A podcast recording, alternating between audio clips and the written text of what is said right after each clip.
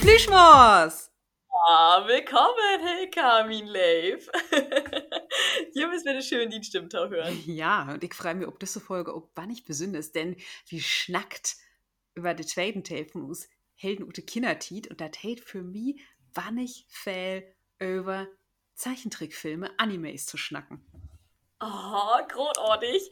Ich bin da nämlich auch ganz verhaftet drin. ähm, und als ich, als ich da so ein bisschen recherchiert habe und werde da über nachgedacht habe, so, oh, was habe ich denn früher eigentlich kerken? Und Kane hat mir den eigentlich so prägt.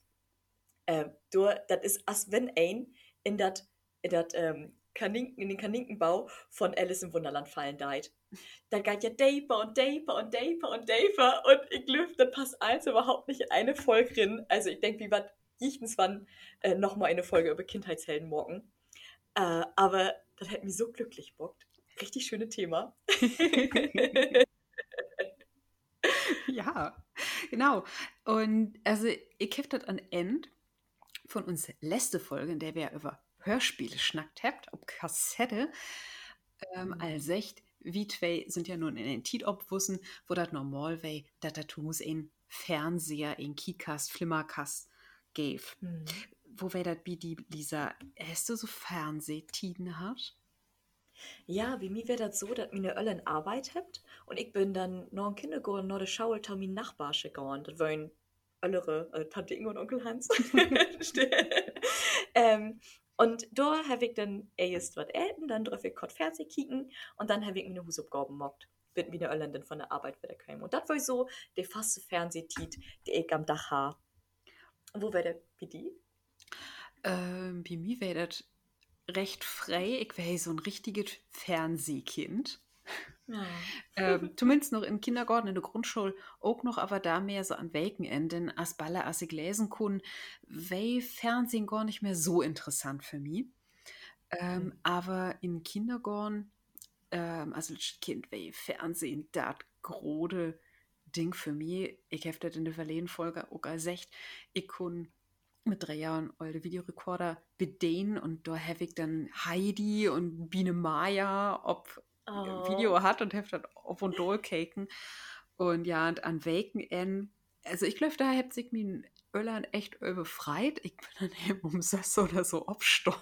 hab mit Öllern schlopen lorten. Ja, und hab dann eben, ja, Zeichentrick, Anime-Serien caken und zuerst wäre noch auf Englisch und dann Lothar werden die dann auch auf Deutsch versetzt. Ja, und dann wird mein wird dann mein Öllern abstoßen sind und das Frühstück geben. Aber weißt du noch so ein Typ für Sendung mit der Mus und Löwentorn? Ja, also Sesamstraut, das wäre schon mal so ein beiden, das wäre mir schon was zu blöd, das wäre nicht mein Niveau. Niveau. ja. Aber Sendung mit der Mus und eben vor allem Löwenzahn. Oh, das hätte ich gelebt, ja. das wäre so cool. Ähm, da hätte irgendwas lehrt, das hätte mir ich weiß nicht, das wäre echt mein Ding. Ich wäre immer so neugierig und diese Titeli und la la la und nur lehrt wie Tell mit Graf Zahl, das wäre so, uh, mhm. das wäre nicht so mean. Und ich glaube, Sandmännchen habe ich noch gern caken, mhm. aber auch nicht jeden Sandmännchen-Programm. Und ja. was das, was ich erst auch als Erwachsene erst richtig spannend von habe, als Kind finde ich das, habe ich das gar nicht so gut von wäre Hallo Spencer. Hallo Spencer ist ja auch wie Mieter Hus dreit worden, wie im äh, Heidepark Soltau. Echt? Ja, da gibt er das Studio von Hallo Spencer. Ach, witzig. also nicht die, die in Förgorn. Noch nicht, kicken. Man hätte mal auf die gedeiht. ja, also das habe ich viel Caken, aber vor allen Dingen im Zeichentrick. Ja. Hast du denn auch Pumuckel-Caken? Wird das was? Ja, aber nicht, nicht so forken. Denn das wäre, glaube ich, schon mal so ein blöde Tiet. Ah, das wäre ja, schon mal ja. Tiet, wenn ich, wenn ich okay, nicht, ja, wenn der Helwig dann was anderes morgen. Ich helfe ja nur nicht zwölf Stunden ein Dachfernseh caken. Nein, natürlich nicht. Pumuckl höre ich nur von Dach gern in der, als Hörspiel. Ah, ja, das ist so, das, das ist so spannend wo, wo titlos das auch nur werde. Das hat wir nur in der verleden Folge auch all mit den titlosen oder auch die, die Hörspiele so als Alf, ähm, die dann irgendwann für die Erwachsenen sind. Mhm.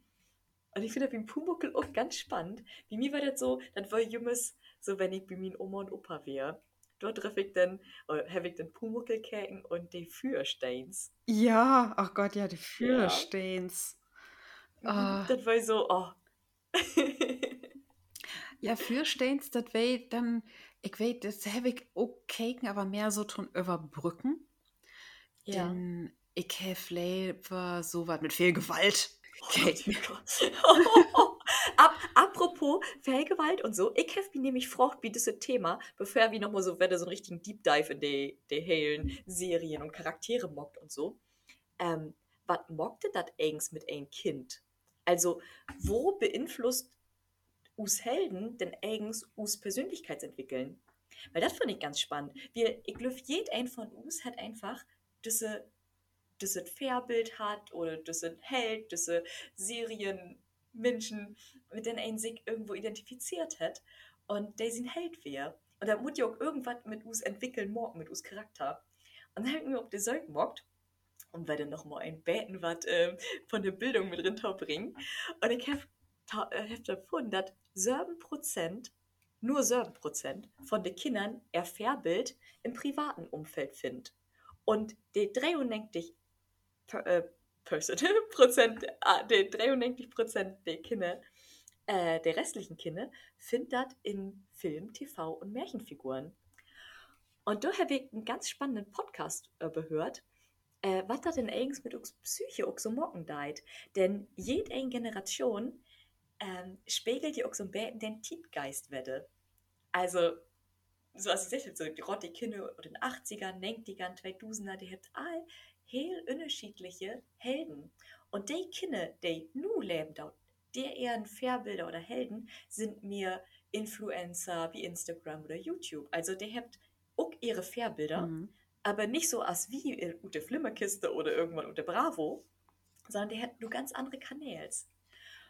Und äh, was ich nur ganz selten von, weil eigens, dass ähm, das Tom Beispiel also, das ist die perfekte Frage, liebe Tauhörers, wenn ihr datet oder einen Partner habt oder so, oder auch schon Freunde noch mal besser kennenlernen möchtet, dann fragt mal, was die Helden und der Kindheit denn eigentlich wären.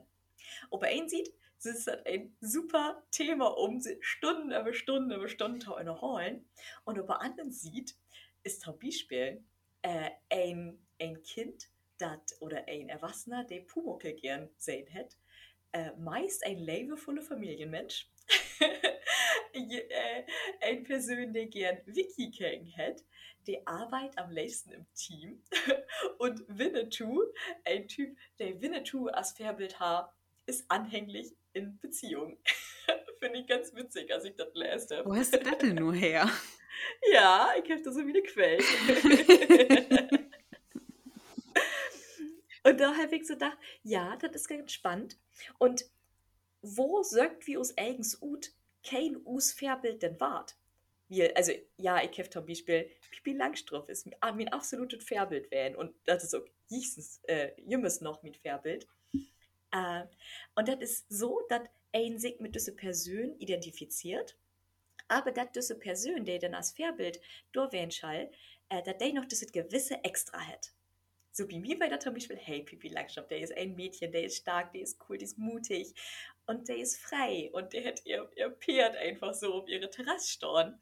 Und das war so wie mir, wo ich dachte so, wow, ja, so möchte ich auch werden, da möchte ich hin. Ha, hast du auch so einen, so einen Charakter oder so ein Person? Shira, Shira. Oh. okay, für all die, der vielleicht nicht weiß, verklor nochmal, keine, keine Shira. Shira ist ja, Egens ein Kriegerprinzessin. Mhm. Und ähm, sie lebt in der Welt Etheria und ist die Zwillingsschwester von He-Man. das ist enorm. Das ist so late. Wie nennt wir einen großen, muskelbepackten Kerl? Nennt wir ihn He-Man. naja, hier, ähm, äh, die habt ja auch noch richtige Normen. Äh, He-Man hat ja in sein normal Leben Adam und She-Ra hat in ihr normale Leben Adora. Und ich habe da in der verleden, äh, in der letzten Folge auch als echter Gave das auch richtig gute Hörspiele. Ähm, die sind fast noch besser als die Serie für ein Fernsehen. Und Shira wow, das wäre so mein Vorbild, denn sie wäre eben, ja, sie wäre so, so, so ein starke Frau und auch noch schön, also ja, ich will auch Jimmers, Jimmers hübsch werden. Ich will in Prinzessin werden, aber nicht so, nicht bloß Jimmers Barbie. Ich will auch Kraft haben und eben das, Play, das, das pflegende Pferd haben und coole Frünnen um mich rum haben. Und das wäre so ein Tölverwelt mit Shira und ey, und sie hätte so einen super schmucken Boyfriend hat. Uh, mit Kane ist der Rumpel. Äh, mit Bo, der Bogenschütze. Bo. Ja. Mm. also, man ein weiß nicht so nippen, ob sie echt zusammen sind, aber naja, da lebt sicher, was? ja, ja, ja, ja. ja, dat, ach, und ich das lebt, so wenn ein sich das von Dach ankickt, ich die Serie natürlich auf DVD. Oh. Das ist halt so ein Baden naiv. Oh, also das ist dann echt so, das hat viel, viel Charme, auch der Ort und wie es wo der takend ist, aber die Themen und alles, das ist so ein Baden naiv. Aber das gibt dann so schöne Folgen, wo sich dann eben Bruder und Schwester drücken. Das sind dann eben so zum Beispiel die Weihnachtsfolgen, ne? wo sich mm. Adam und Adora dann ähm, Wetter findet und dann eben das ein Universe und das andere rindückert. Und ja, ich habe das mega cool gefunden und ich habe von da auch in Skeletor-Tasse. das ist so schön. Ja. und du musst dir mal überlegen, das käme eigens nur, weil der ja Spätüch haben und sagt, okay, wie möchtest du Spätüch, ihr müsst vermarkten, wo mock wie das auch best? Ja. Und dann habt ihr erst an von Comics zu zeigen und habt gesagt so, ja, nee, Kinderbuch noch ein bisschen was anderes. Und dann habt ihr diese Serie da gut produziert. Und das hat sich aber, das ist so gaut loben, das war ähm, eins von den äh, wertvollsten in den Namen Taudetit. Mm, ja. Also Shira habe ich echt lebt und das gibt ja auch in Nähe, in Nähe Zeichentrickserie, die ist dann, die, die ist nicht Nip und Now ähm, von der Handlungsstrenge Asteole Serie. Mhm. Das ist, ist ein Baden anders in Dalen, aber die ist so in der, ja, in der Anime-Geschmack von, von Dach tekend.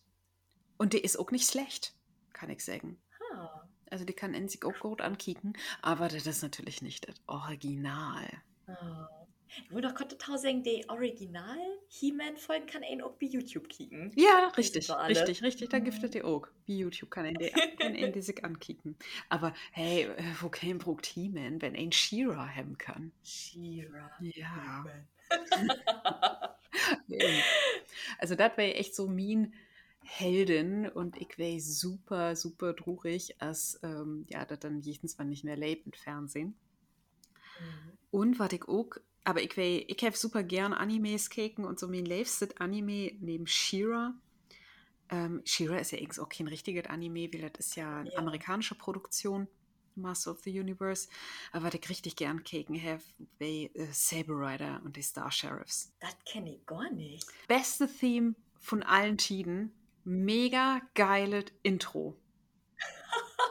Level, okay. Levelü, bitte schrieft mir auf Instagram, wenn sie auch Saber Rider and the Star Sheriffs lebt aus ich oder vielleicht könnt ihr auch diese Theme auf E-Gitarre spielen, dann habe ich mich hart an ja verloren. Oh. und ähm, Saber Rider und the Star Sheriffs ist, ist nicht nur eine mega coole Serie, äh, sondern auch die deutsche Synchro, die deutsche Synchro ist mega cool, denn der Lü, der das synchronisiert hat, der kennt ihn auch zumindest einen von, nämlich, äh, sie kennt ja sicher alle Bully, oder? Oh, aber, also ich, ich, ich schnack mal fair, das Kollektive alle. ja. ja, und da gibt es ja nicht nur Bully, sondern auch Christian Tramitz. Oh ja. Und, ja. und Christian Tramitz hat auch in Saber Rider und die Star Sheriffs mit synchronisiert. Und der hat mal vertellt, dass sie nicht so viel verscriptet hat in die Serie. Der hat mega viel spontan synchronisiert und dadurch hat die Serie mega coole Sprüche. Oh, okay, also so Ani One-Liner oder One-Liner. Ja, ja, ja, so, so war vielleicht. Und also die, die hätte so einen richtigen Schlagabtusch. Ähm, Oh. Und das macht so Spaß. Auch wenn die, wenn die Folgen vielleicht nicht schon was die geilste Story haben, aber die Lü so Taute hören. Ja. Kann, kann ihr das noch jens wo kicken? Weißt du das? Ich glaube, die erste Folge kann ihn sicher auch auf YouTube kicken. Mhm. Ähm, aber auf jeden Fall giftet mega, mega coole Lü, ähm, die eben das Intro inspült habt. Kannst du auch das Intro inhören. Also das Intro, das ist so mega. ja, Saber and the Star Sheriffs, das ist eben so eine fiktive Welt, ähm, wo sie dann ja in Weltraum unterschiedliche, unterschiedliche Planeten unterwegs sind. Da gibt es dann noch eine andere Dimension und da kommt dann die Outriders und versucht eins so zu infiltrieren. Da hat so ein Baden Wild West Charakter. Und ähm, das gibt dann eben vier Star Sheriffs, Sheriffs drei Kerls, ein deren, und die sind in Ramrod. Die Ramrod, Ramrod. Okay, das klingt schon episch. Ramrod, die, äh, das neue super Raumschiffmodell, die ein Kampfroboter ist. und damit sind die eben unterwegs und jachte Outriders. Ja. ja, und dann April ist eben die der und der wie und äh, die drei Kerls sind eigens allheimlich in, in April verschorten, aber das ist so bitter und end nicht klar. Ja, äh, Kane dann nur mit er zusammenkommt oder auch nicht. ja, mega coole Serie. Ich die vor allen Dingen im, ich glaube die Serie wäre auch nicht so gut, gave das nicht diese mega coole deutsche Synchro. Und natürlich das Intro. Ja stark. Das hört man auch nicht oft oder nicht so forken, dass ein sagt, ja, die deutsche Synchro, die will gaut. Sonst war ja immer nur über, über Monat. Ja, ja, ja, ich glaube, ähm, ich glaube, das ist, ist eben so speziell. Ähm, ich habe das auch nie nicht in eine andere ähm, Synchronisation so belebt, als das ist. Das gibt ja auch viele andere Anime-Serien mit, ähm, die dann synchronisiert sind. Aber die sind mehr scripted. Ja, da glaube ich auch. Ähm, aber Saber Rider, diese Charme ist echt so, diese, ja, ähm, ist so spontan, da das so spontan ist. Schön. Also kann ich echt bloß empfehlen, äh, Saber Rider und die Star Sheriffs. Mega geile Serie. Oh. Hast du denn noch mehr in deiner Anime-Phase? Ähm, ja, was ich auch gern keken habe, wäre Marshall Bravestar. Auch wäre das ein Wild Wild West in Weltruhm-Ding. Mit seinem Cyborg-Pferd. so.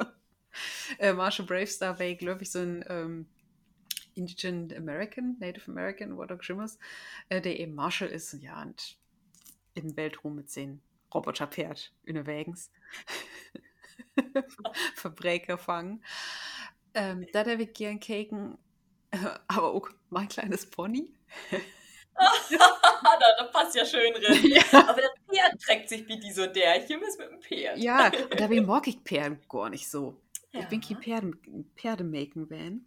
Und aber Lothar habe ich dann auch, das wäre äh, dann so ein Baiten auch an End von min ähm, von min Anime-Phase habe ich auch noch gern Gargoyles keken. Ja, Golds. Warum ging das nochmal? Da komme ich so bekannt für. Ähm, das wären diese, ja, diese Wasserspier, Waterspier in New York, ja, ja. die schon Leben wieder wach worden sind und äh, die habt dann da wieder diese Dürren hat, die eins organisiert hat. Du, und ist die mal was opfern, Lisa?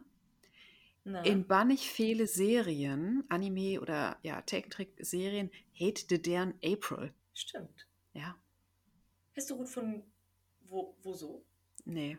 Ich leider nicht. Oh, oh, oh, ich, ich, dachte, nu kommt so die mind-blowing Explanation. nee, aber vielleicht Leve Teures, vielleicht wird ein von Jaudert oder ich muss halt nochmal nachkicken. Äh, vielleicht finde ich da nochmal was. Aber ich dachte, hä, der hätte ja alles April. Auch bei den Turtles. Der hätte ja auch April. Ja, ja, da habe ich mich auch gerade an den gedacht. Ja, und ich glaube, den Gargoyles hätte auch April. Schönes April. Mysteriös, was möchtest du der Serien singen? Oder vielleicht wäre das einfach so ein Norm, der mega hip wäre in der Tate. Oh, das kann werden. Ja.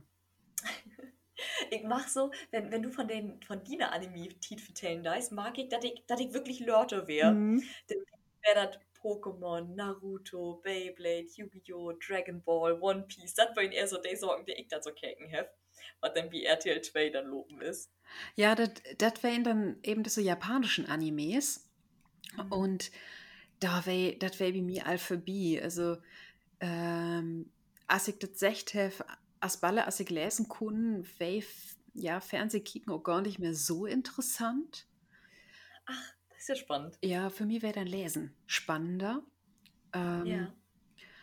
Und ich glaube, das wäre dann eben auch so diese Titel aus den japanischen Animes, diese amerikanischen ähm, Serien auflöst habt. Ähm, dass ich, da wäre ich dann so in diese Phase bin, dass ich dann für mich das Lesen mehr entdeckt habe. Also ich kenne diese Serien auch noch, so ein beiden, aber das wäre dann für mich all nicht mehr interessant. Ja. Also und auch wenn ich, wenn ich mir den von Dach so mal ankiek und darin kiek, also ich, für mich ist so diese, diese Kunst da achter, ne, diese Anime-Kunst, ähm, ich finde mir da nicht so richtig Wetter. Auch ähm, so japanische Filme, als zum Beispiel Chihiros Reise ins Zauberland oder Das wandelnde Schloss. Äh, das sind schöne Geschichten, aber diese Art zu tegnen, das ist für mich etwas, das finde ich mir nicht so richtig Wetter. So diese Mhm. Mimik. Bloß ein Utnorm giftet. Na? Ja, aber ich würde nur lachen.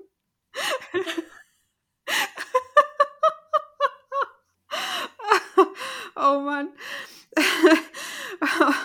Und zwar ähm, One Punch Man. Davon habe ich in der verleden Weg das erste Mal hört in einem Podcast. Ist das ist das dieser Mann, der einfach nur einmal tauchen kann?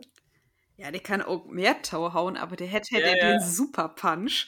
Und, und diese Serie, die ist ja, die ist ja noch nicht all, die giftet ja, glaube ich, sie zwei Dusen und Nägen. Und Ja. die, also ich, die zweite Staffel habe ich nicht keken, aber der erste, der ist so geil. Einfach so, so diese, diese Infall da achter.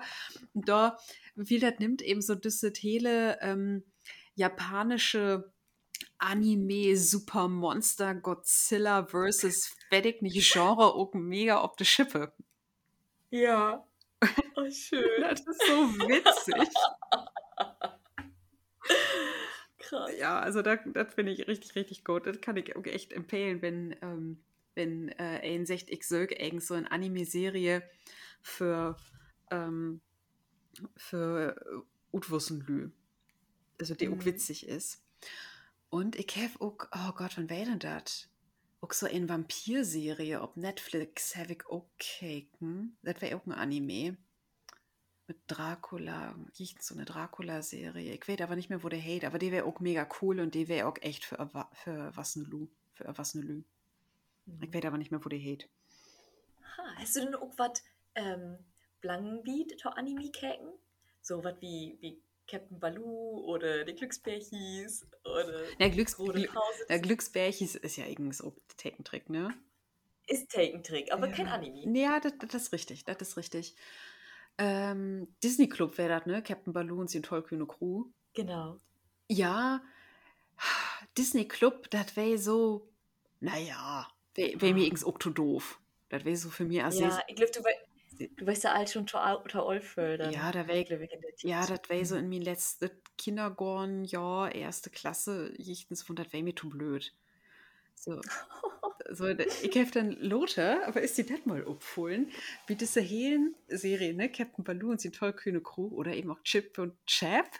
Ja, genau. Äh, Ch- ch- ch- Chip und Chap. Ja, Ja. und weißt du, was die Originalmelodie ist? Nee. MacGyver. nee. Doch. Oh, das ist ja witzig. Hör mal du. Chip, chip, chip, chip und Chap. Ritter des Rechts. Chip, chip, chip, und Chap. Den Bösen geht es schlecht. Sie lösen jeden Fall, was sie auch tun. Das Böse hat nie Zeit, sich auszuruhen. Chip, chip, chip, und Chap. Und nu leg da mal die MacGyver-Melodie ab. Ja. Das ist dasselbe. Oh, die sind ja so kreativ. aber Kinder kann man alles verköpen. oh, Und das das ist bei vielen von diesen Disney-Serien so. ja, ja. Ha, so schön einfach mockt. Ja. Ja, und sind ja Glücksbärchis, Heavy Caken, Regina Regenbogen. Ähm, Oh ja. Wer der Pferd? ja, ich habe auch Regina Regenbogen ähm, Puppen hat. Oh. Ja, ja, ja. Und auch das Pferd natürlich. Und sonst, mh, hm, ach, so richtige Anime habe ich doch auch noch Lothar kicken, das wäre dann Mila, das äh, rhythmische Sportgymnast. Nee, Volleyball. Volleyball wäre das Mila. Oh ja, ja. Kann fliegen wie die Sonne über Fujiyama. Mila kann singen. Das wäre das. Ähm, ich weiß gar nicht mehr, die kleinen Superstars oder so. Oder Kickers. Oder so wäre das auch noch. Das ich, die Kickers, ja. ja. Das gäbe auch noch. Das habe ich noch Kaken. Aber dann, das wäre auch so all an Utlöpen. Also da ich dann all Fantasy-Romane dörplücht. Und was wäre denn da so, so Lorter? Weil ich habe nämlich auch so überlegt, ja nur noch meine Animitit, die, die Helden, die dann Lorter kommen, weil ich schon all, hast du, also, ähm, Asterix und Obelix nicht. so, ich könnte gerade hier stellen, schauen sehen. Was? nee, nee. Die Helden, die dann Lorter kämen, das wäre all Harry Potter für mich wie ich dann so an die Böcke und an die Filme gekommen bin. Und ich bin ja genau der Tit, mit dem mit Harry Potter dann groß geworden ist. Mhm. Wie, wie wäre das mit dir? Ich habe die ersten vier Harry Potter Bände auch gelesen, aber dann wäre das für mich all der. Und mhm. ich bin eben in diese Tit dann kommen, wo äh, Music Television eben das Ding wäre. Ja? Also. Also MTV und Viva? MTV und Oder? Viva, ja, ja, ja. Habe mit meinen Freundinnen hele Norme dare ähm, für ein Fernseher setzen und wir haben dann zwischen VH1, Viva, MTV, Dwarfschollen und Jimmers der aktuellen Musikvideos ankeken und Nordanst und ähm, oh, diese Senden kicken. Oder dann abends, ich weiß, also das wäre ja der Anfangsstil von Stefan Raab. Oh, was habe ich das Senden von Ain Leif, Vivasion und oh. Viva Wutzemann. Oh Gott, ich hab das, das wäre oh so Gott. geil. Oh, shit.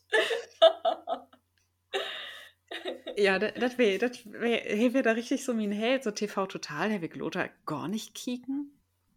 Mhm. Das wäre gar nicht so mein Ding. Und ähm, ich glaube, ich glaub, das läuft aber nur wieder, ne? TV Total. Oh, ich, hab, ich bin so gut unter dem Fernsehen-Business. Ich habe kein Fernsehen, ich kein Fernsehen mehr. Nee, ich, ich äh, habe auch, kein, ja, hab auch kein lineares Fernsehen, aber ich kriege das dann mal so bei YouTube ähm, und wiest. Und ich löfte eben den Moderator.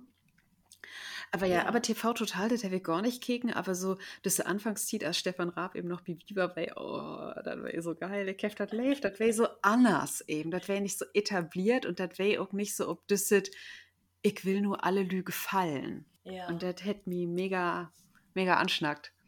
Ja. Cool. Ja. Ja, und, und du, du hast, ne, diese Animes, so, hab ja, hat Naruto und so wieder, ähm, das ist ja auch noch von Dach, ist das mega hip. Ja, ich bin Gissen erst, der ich in, oh, Hüte, nennen wir aber richtig den Markennamen, ich bin Gissen, der ich New Yorker loben. und ähm, du hast mir eine geheile Wand voll Naruto-T-Shirts. Und ich dachte mir so, wow, da dann irgendwie, also da dann Jümmes noch so präsent ist, halt nicht dacht. Mhm. Aber das hätte, hätte schon viel mit mir mockt. Mehr so der, der Anime-Typ Torben. Und ich habe auch diese Anime-Zeitschriften mir gekauft. Du, du hast ja für jede Folge taugegeben, dass du den Dinosaurier-Zeitung gekauft hast. Und ich der dann diese Anime zeigen mit äh, One Piece und dann Hike so ein diese Wurfmesser, der, der von Naruto hat Hike als Stift und so. Ah, das wäre schon schön. ah, richtig Merch Girl, ja. Absolutely. und hast du denn aber auch dann die richtigen Comics sammelt? Die Mangas? Mhm. Ja, ich habe ein paar. Also gerade von Beyblade Hike, Hike ziemlich viele kommen äh, Mangas. Ich weiß gar nicht, ob ich den noch habe. Und äh, Dragon Ball Hike Betten der habe ich auch vergessen, ähm, weil ich taufällig in der Bibliothek hier in Wismar und da habe ich auch die ganzen Manga sieht werde sehen und ich wat jemmes noch, obwohl ich ja nur, naja, mi äh, mindestens 15 Jahre Rut bin, das ist das, was mir jemmes noch antrecken deit. Und dann finde ich mich, werde dort, dort sitzen und werde Stunden um Stunden Mangas lesen. Krass. Also ich wäre gar nicht so ein Comic-Kind. Also mein Min Oma hat mir dann mal so ein Beten und Mickey Mouse oder so vorlesen oder und diese wie das, diese Knockshefte, die das bei der Sparkasse ja. gave. Knacks. Knacks, ja. Ähm, aber ich, das wäre gar nicht so mean und auch so das lustige Taschenbuch, das wäre so, oh, ich habe das mega anstrengend von Comics zu lesen. Ja. Und als ich dann mit meinem Studium da war, da habe ich über die Freunde, die ich damals habe, habe ich dann eigens Graphic Novels kennengelernt.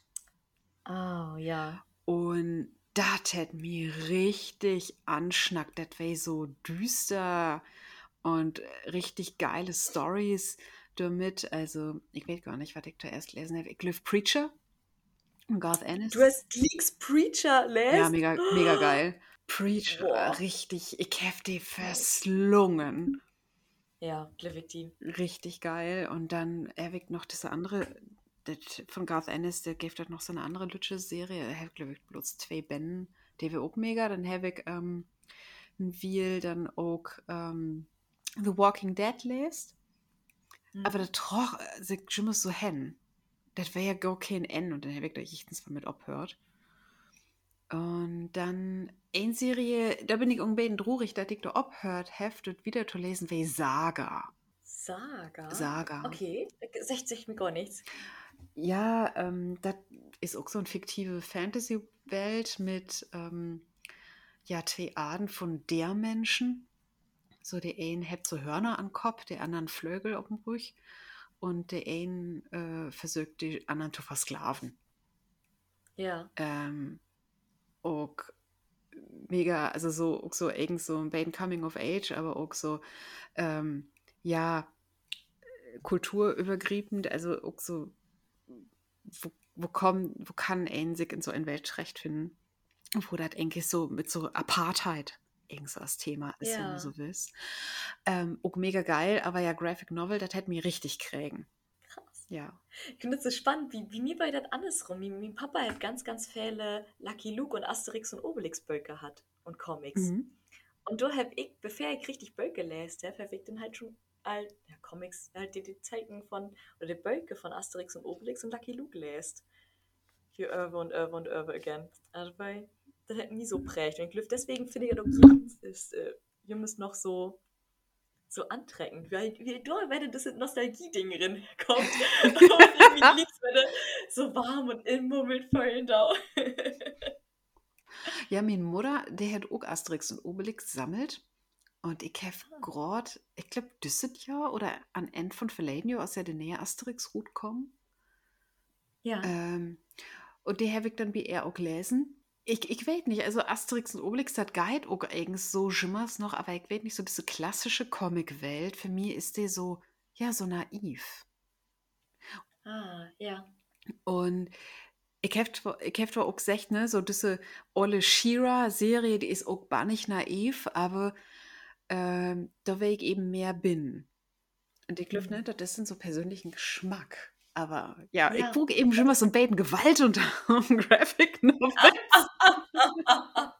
Naja, du hast ja vertellt, wo wir uns denn Fairbilder uzeugen. Dort, die möchten so ein Beten so als wie wählen und das sind gewisse extra Hem. Also sind sie so als die und habt das extra an Gewalt? Ja, aber also ich bin echt, ich bin nicht gewalttätig, gar nicht. Ja, ich bin am liebsten zu Hus und lese mit Fantasy-Romane.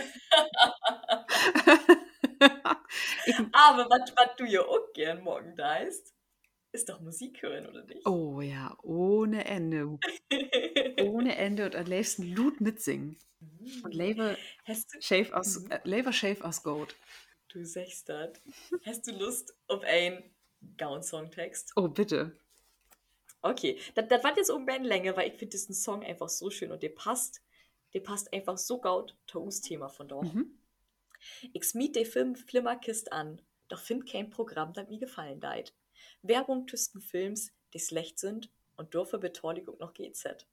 Ob jed ein Kanal löbt nur noch schied, us Gesellschaft wat blöd. Wo sind die Helden von min Jugend? Für mi wär der Kiekasten dat Grötzte. Ich kenn jed ein Serie von den Denkdiger. Hef kein ein Mist. Dat wär egal, ob David de Kabauter, Blinky Bill oder de Mighty Ducks, Pinocchio, Pumuckel, de Pinky und de Brain. Hüt gibt dat nix mehr davon. Nur die Biggie und die Dame. Sag kannst du dich erinnern an die Imme Maya und an Scooby-Doo, an Alvin und die Chipmunks, an Bugs Bunny und die Looney Tunes, an die DuckTales oh. Nix wäre so spannend als die Abenteuer von Captain Baloo. Ich will reisen so als Feivel um die Ehe so als Willy Fogg. So viel beleben als Dorothy von der Teuferer von Oz. Angorn gegen böse Geister, so als die Ghostbusters. So fix loben als Speedy Gonzales, so fix losen als der Rotrunner. Meist Weg fehlt lang der hele Nacht, erst Tag wegen Tag und Dono dann werde holen von Alfred Jodokus Quack. An den Tau kommenden Dorf dann in die Schaul schlorpen.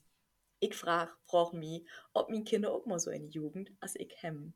Denn ich will, pflegen als Peter Pan, shaten als Lucky Luke, stark wen als Hulk, um die Ehe äh, und an N, wat Junges alles gaut. Ich will, schau die Helden von min Jugend wiesen, komm, wie steht guten alten Tiden an. Kennst du den Song? Hm. Der ist nicht so bekannt, Glöwig, ne? Hm. Das ist, äh, ja, ja, also ich, ich sag mal, das ist von Dame gauden alten Tiden. Und ich bin irgendwie dann stolpert und dachte so, wow, der passt so, so gaut. Okay, also ich muss mich nur nicht schlecht fühlen, dass ich den nicht kenne. Nein, nein, nein, überhaupt nicht. Du musst dich nur schlecht fühlen, dass du Hero von Enrique Iglesias nicht kennen weißt. ja, bitte, Levelü, hört ja die Folge nochmal an. Ähm, das wäre wär echt ein slim Moment für mich, als Lisa mir das hat raten lassen. Ich weiß aber gar nicht, wo Kane, für, wo Kane das nur eigentlich peinlicher ist. So. das mal wie mal abstimmen. Wie mag nochmal eine Abstimmen noch, ja. ja. Äh, Mann, oh Mann, oh Mann. Enrique Iglesias. ja. Mhm. Do you want to be my hero, baby? oh, ich bin wieder voll drin. oh, hangst du dir nur, klickst nochmal ein Poster von Enrico ab? Oh, das hangt allang. Oh, das hangt allang. Jimmy Blue Ochsenknecht ist aufgenommen, du kommt Enrique. Jimmy Blue Ochsenknecht.